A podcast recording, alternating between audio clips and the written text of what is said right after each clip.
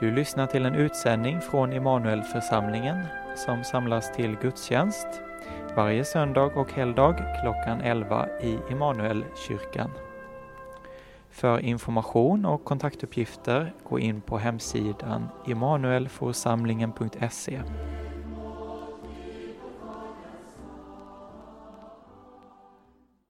Evige Gud, du som lät din son dö och uppstå för att han skulle vara herre över både levande och döda. Ge oss nåd att i tro ta emot honom som vår frälsare, så att vi med honom får gå in i livets land. Genom din son Jesus Kristus, vår Herre. Amen. Hör Herrens ord ifrån Daniel boks tolfte kapitel. På den tiden ska Mikael träda upp den store försten som står som försvarare för dina landsmän. Det kommer en tid av nöd som inte haft sin like ända från den dag då människor blev till, ända till den tiden. Men på den tiden ska alla bland ditt folk bli frälsta som finns uppskrivna i boken. De många som sover i mullen ska vakna, några till evigt liv, andra till förakt och evig skam. Det förståndiga ska då lysa som himlavalvets ljus och de som har fört många till rättfärdighet som stjärnor alltid och för evigt. Hör också Herrens ord från första Korintierbrevets femtonde kapitel. Nu kan någon fråga, hur uppstår de döda? Vad för slags kropp har de när de kommer? Du oförståndige, vad du sår får inte liv om det inte dör, och vad du sår har inte den gestalt som ska bli till, utan är ett naket korn, kanske av vete eller något annat slag. Men Gud ger det en sådan gestalt som han har velat, och åt varje frö dess egen gestalt. Inte allt kött är av samma slag. Det är skillnad mellan människors, husdjurs, fåglars och fiskars kött. Det finns också himmelska kroppar och jordiska kroppar. Men de himmelska kropparnas glans är av ett slag, de jordiska kropparnas glans av ett annat slag. Solen har sin glans, månen en annan och stjärnorna ännu en annan. Den ena stjärnan skiljer sig från den andra i glans. Så är det också med de dödas uppståndelse. Det som sås förgängligt uppstår oförgängligt. Det som sås i vanära uppstår i härlighet. Det som sås i svaghet uppstår i kraft. Det sås en jordisk kropp, det uppstår en andlig kropp. Om det finns en jordisk kropp finns det också en andlig kropp. Så står det skrivet.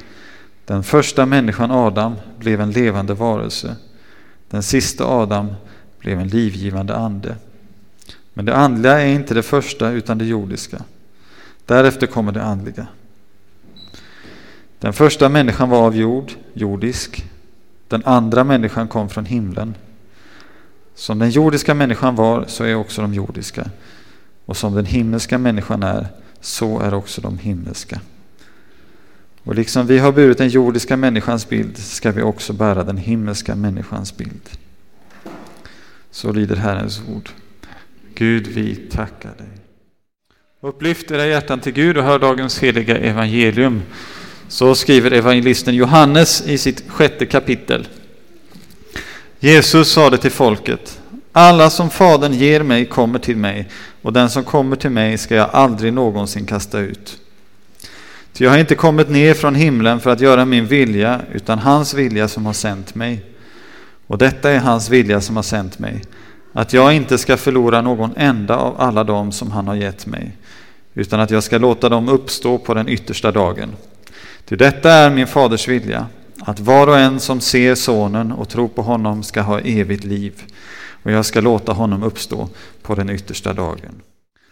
Förra söndagen så hörde vi en läsning också i Johannes evangeliet om den blindfödde mannen som fick sin syn tillbaka. Och sen Jesus samtal med fariseerna om deras blindhet. Den blinde mannen fick inte bara fysisk synförmåga utan vi ser också senare mot slutet av det avsnittet att det framförallt är andlig syn så att han kunde se och tro på Jesus. Se Jesus som sin frälsare. Men fariseerna som sa sig kunna se, som till och med sa sig vara en vägledare för de blinda, de kunde inte se vad de hade framför sig. Och därför säger Jesus, så står deras skuld kvar. Och detta med syn, att se Jesus, se vem han verkligen är, återkommer hela tiden i Johannes evangeliet. Många sa sig kunna se, men visade sig vara blinda. Men Faderns vilja är att var och en som ser Sonen och tror på honom ska ha evigt liv. Liksom de såg upp mot kopparormen i öknen och fick leva. Och detta är inte något som vi kan göra av oss själva, utan våra ögon måste öppnas, liksom de gjordes för den blindfödde mannen. För vi föds alla blinda och kan inte se Guds rike om vi inte blir födda på nytt genom vatten och ande. Då blir vi gåvor som Fadern ger Sonen och som Sonen gläds över och förbarmar sig över och som han också ska uppväcka på den yttersta dagen och ge evigt liv. Och utifrån detta har vi två rubriker för predikan. Första, eh, första rubriken, Jag tror att jag inte kan tro. Och den andra rubriken, Jesu glädje över och omsorg om Faderns gåvor. Så först, jag tror att jag inte kan tro. Så av alla Bibelns läror är den som kommer till uttryck i det Jesus säger kanske den som är svårast att förstå. Det handlar om vem som blir frälst, om utväljande.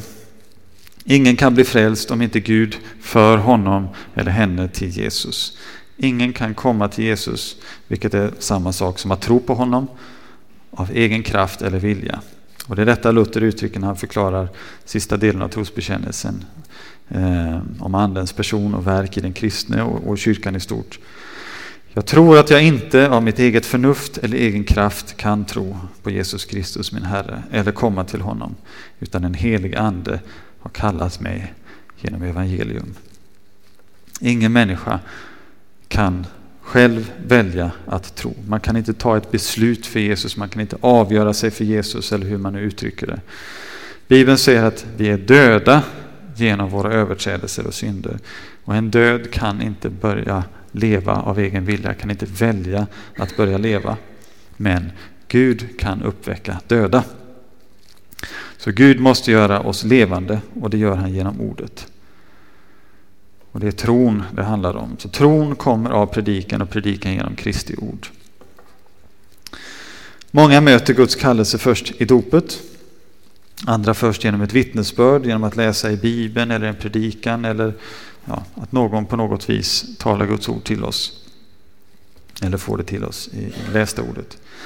Men uppenbarligen är det också så att inte alla som hör Guds ord kommer till tro och det är heller inte så att alla döpta förblir i tron. Och hur fungerar det då? Om det inte beror på människan utan på Gud, varför drar han inte alla människor till Jesus och ger dem tro? Varför frälser inte Gud alla människor? Om det inte beror på människan och någon blir frälst, ja då måste det ju rimligtvis vara så att det beror på Gud om någon inte blir det och istället går förlorad. Eller hur? Ja, den slutsatsen måste vi landa i om vi gör vårt förnuft till Herre. Om vi gör vårt förnuft till Herre så är det den oundvikliga slutsatsen. För en sådan lära är byggd på människans förnuft och inte på Guds ord. Låter vi Gud vara Herre och låter vårt förnuft underordna sig Guds ord, då landar vi i en annan slutsats. Guds ord säger att Jesus dog för hela världen. Då tror vi det. Och Gud säger att alla, han vill att alla människor ska bli frälsta och att han inte vill att någon enda ska gå förlorad. Då tror vi det.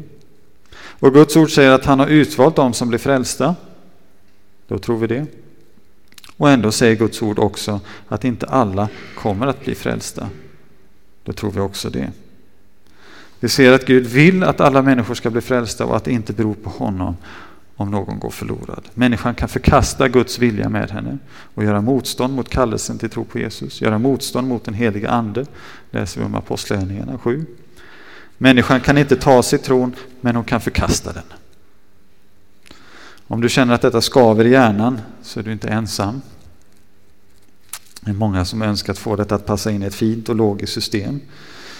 Men vi får bekänna att vi inte förstår och likväl bekänna dessa bibliska sanningar. Om någon människa blir frälst, Gud vare tack.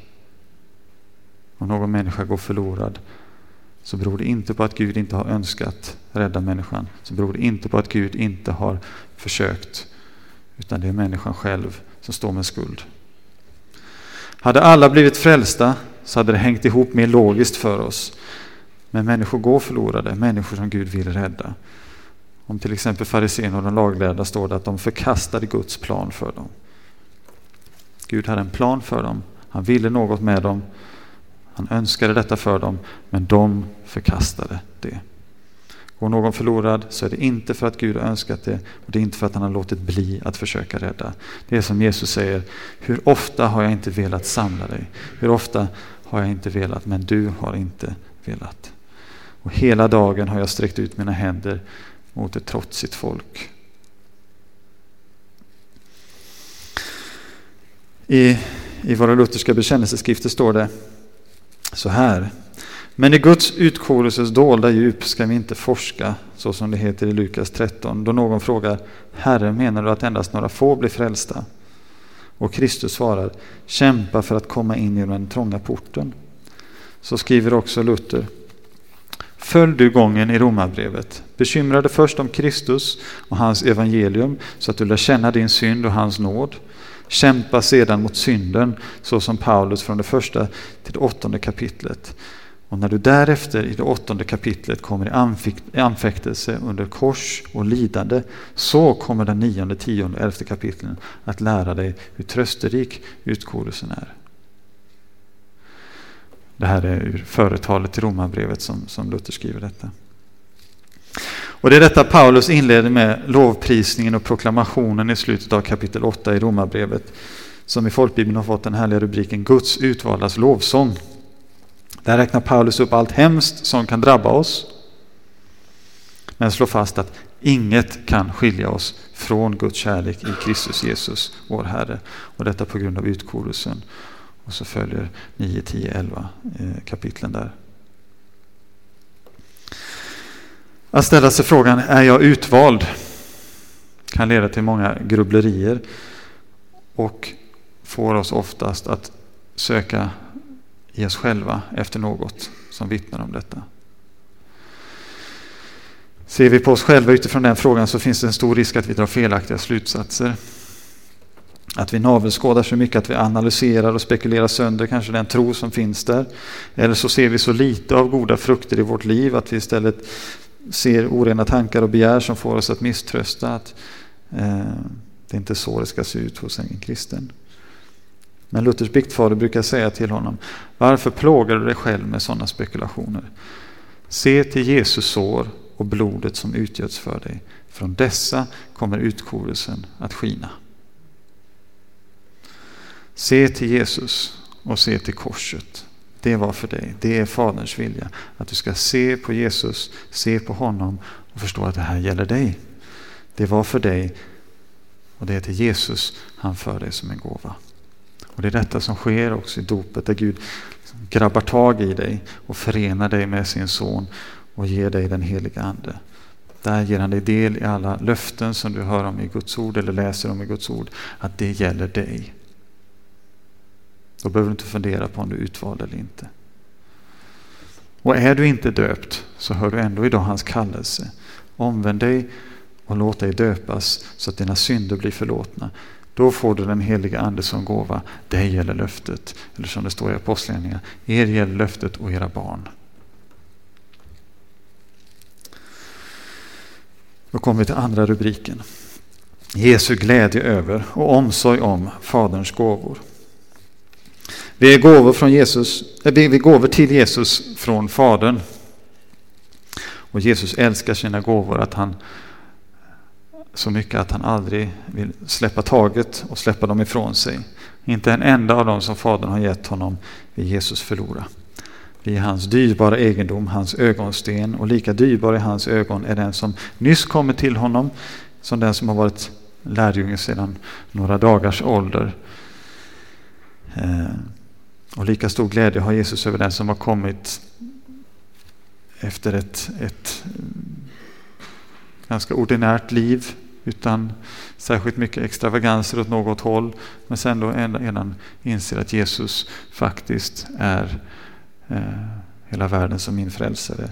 Och lika stor glädje över den som har kommit efter ett helt liv i, i missbruk eller otyglad sexualitet eller våld eller girighet eller vad det än må vara.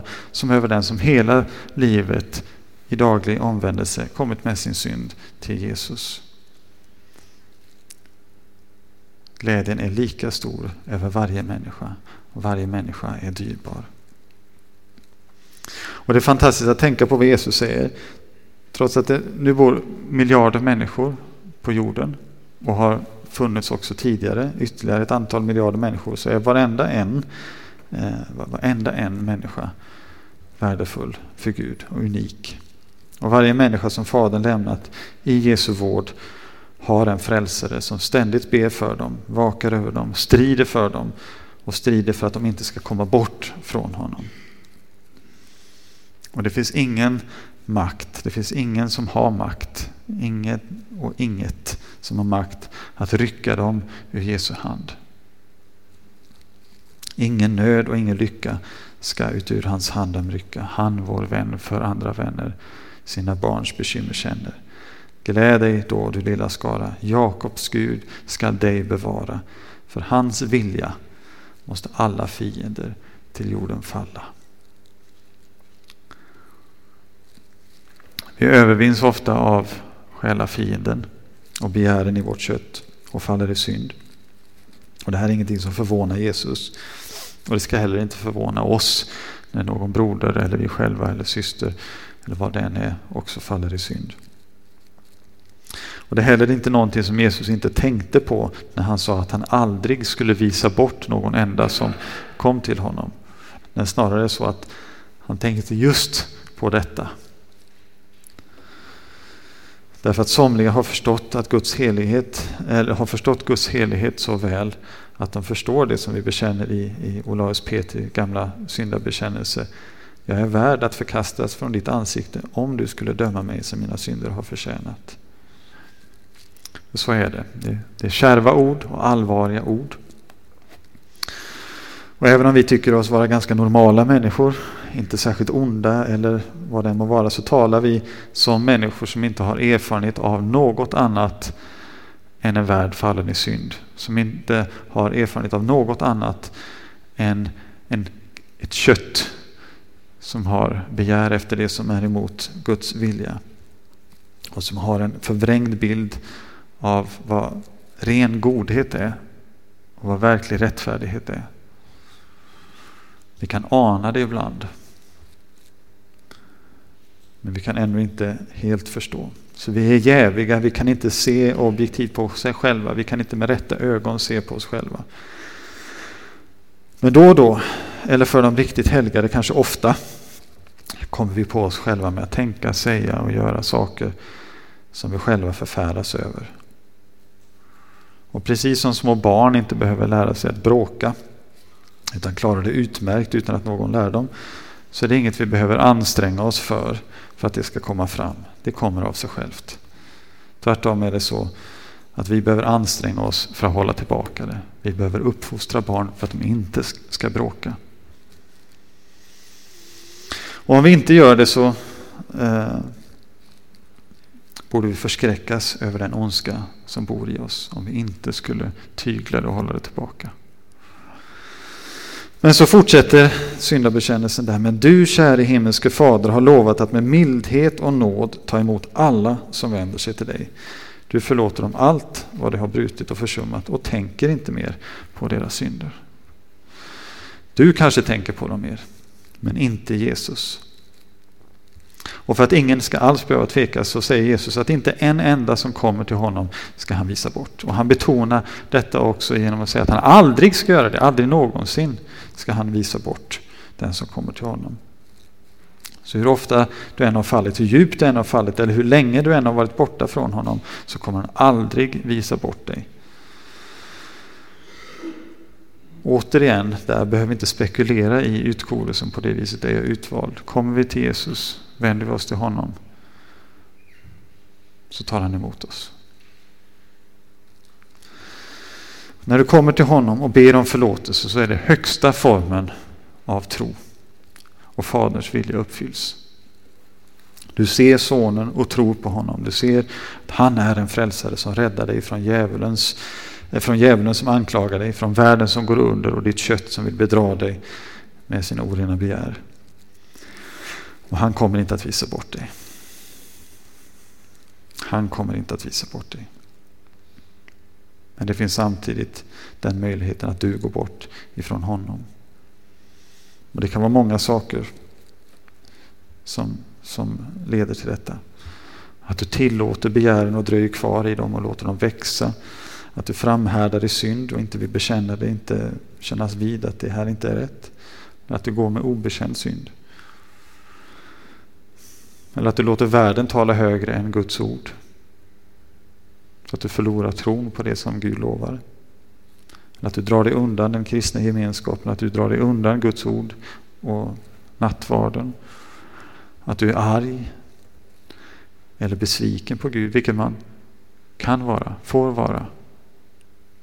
Om vi läser Saltaren så, så, så, så kan vi verkligen se hur många har utgjutit sin frustration, ilska, besvikelse på Gud. Skrik på honom om du vill.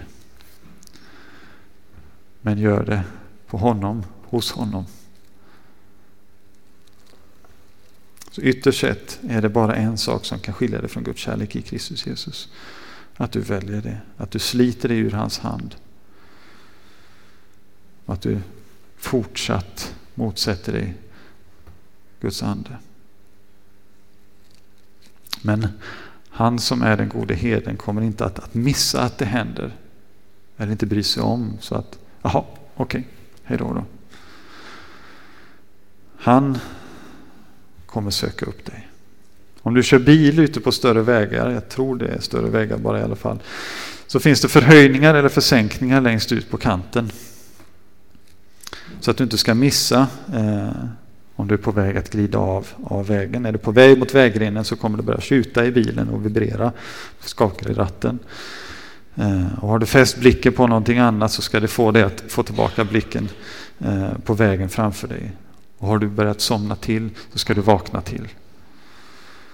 Och är du på väg bort från Jesus så kommer det inte ske utan varning. Han kommer att sända dig människor i din väg som uppmärksammar dig på det. Budbäraren kan ha många brister själv. Så är det, det får vi räkna med. Och kanske orden inte alltid är de ljuvaste eller ens de smidigaste. Men det är herdens omsorg som ligger bakom dem. Han vill föra dig tillbaka så att du inte går förlorad utan får höra till dem som han, vill, som han får uppväcka på den yttersta dagen till evigt liv. Så vet att Jesus alltid kommer vara mer rädd att förlora dig än du är rädd att förlora honom. Men på samma sätt som du hamnar i diket eller kör in i något annat, om du struntar i ljudet och vibrationerna eller sover så djupt att du inte märker dem så kommer du också att, att komma bort ifrån Jesus om du struntar i alla varningar. Som jag sa för ett par veckor sedan, fira gudstjänst gör vi inte för att det är roligt för att det är mysigt, trevligt, eller vackert, eller stämningsfullt, eller högtidligt eller någonting sånt. Vi gör det för att vi måste, för att vi behöver påminnas om det hopp vi äger i Jesus. Och att det bara är i honom vi äger det. Det är ungefär som om du har en sjukdom som gör att du behöver gå i dialys.